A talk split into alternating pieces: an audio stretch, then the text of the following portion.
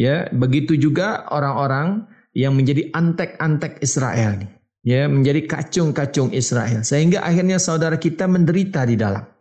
Ya, bantuan makanan tidak boleh masuk, bantuan obat-obatan tidak boleh masuk, bantuan dokter-dokter pakar uh, tidak boleh masuk ke dalam Gaza Palestina. Ya, begitu juga nelayan-nelayan hanya dibenarkan untuk menangkap ikan tidak lebih dari 5 km dari pantai Gaza. Ikan apa? Ya, hanya ikan-ikan kecil saja. Tapi kita yakin dan saudara-saudara kita di Gaza yakin bahwa rezeki itu datangnya bukan dari manusia, tapi rizki itu dari Allah Subhanahu wa taala.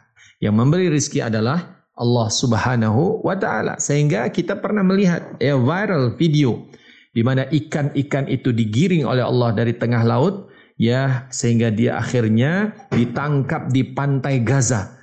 Walaupun nelayannya tidak menangkap ikan di tengah laut, tapi ikan-ikan yang biasanya ada di tengah laut itu bisa datang sendiri didatangkan oleh Allah sebagai rizki untuk saudara-saudara kita di Gaza Palestina.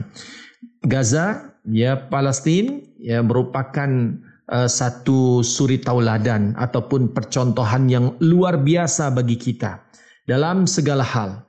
Ya karena statistik PBB menyebut bahwa Gaza ya penduduknya adalah terdiri dari orang-orang yang berpendidikan.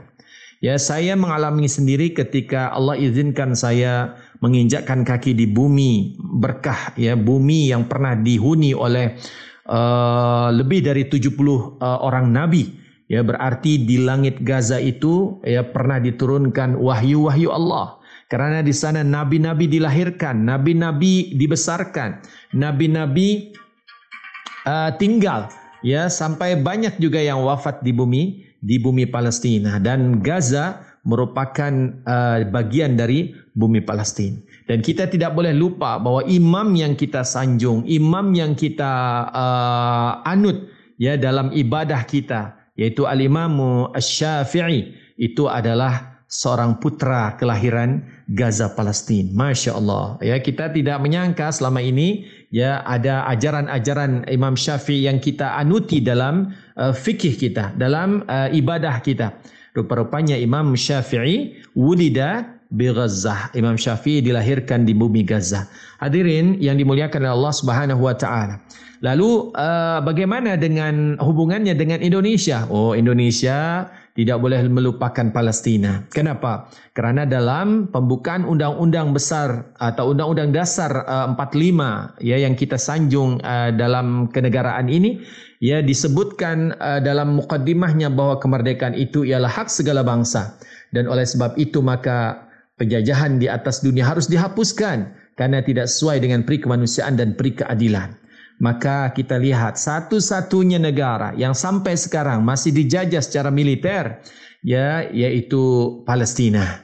Maka sebagai komitmen kita atas uh, Undang-Undang Dasar Republik Indonesia ya tahun 45 yang menyebutkan dalam mukadimahnya bahwa kita harus ya menghapus ya penjajahan karena kemerdekaan adalah hak yang juga dimiliki oleh saudara-saudara kita bangsa Palestina. Bahkan ada satu yang tidak boleh dilupakan oleh umat Indonesia atau bangsa Indonesia, kemerdekaan yang kita rintis di 1945 salah satunya ya, yang paling pertama mendukung ya di samping Mesir adalah Palestina. Bangsa Palestina mendukung kemerdekaan Indonesia bahkan membantu secara material dan juga moral dan menggalang dukungan dari negara-negara Arab dan negara Muslim ketika itu untuk mendukung kemerdekaan Republik Indonesia. Ketika sekarang kita sudah merdeka 70 tahun lebih. Ketika sekarang misalnya kita sudah memiliki uh, kemerdekaan sendiri, kita bisa berdiri sendiri. Kenapa kita melupakan sebuah bangsa yang masih dijajah, yang masih dianiaya pada beliaulah atau mereka lah yang dulu mendukung dan membantu kita pada tahun 1945. Hadirin sidang uh, hadirin sidang uh, Kulwaf ya yang dimuliakan oleh Allah Subhanahu wa taala. Uh, oleh karena itu Aman Palestin bekerja sama dengan Badan Wakaf Salman. Ya, bekerja sama untuk apa? Untuk membangun sebuah masjid di Gaza, Palestina.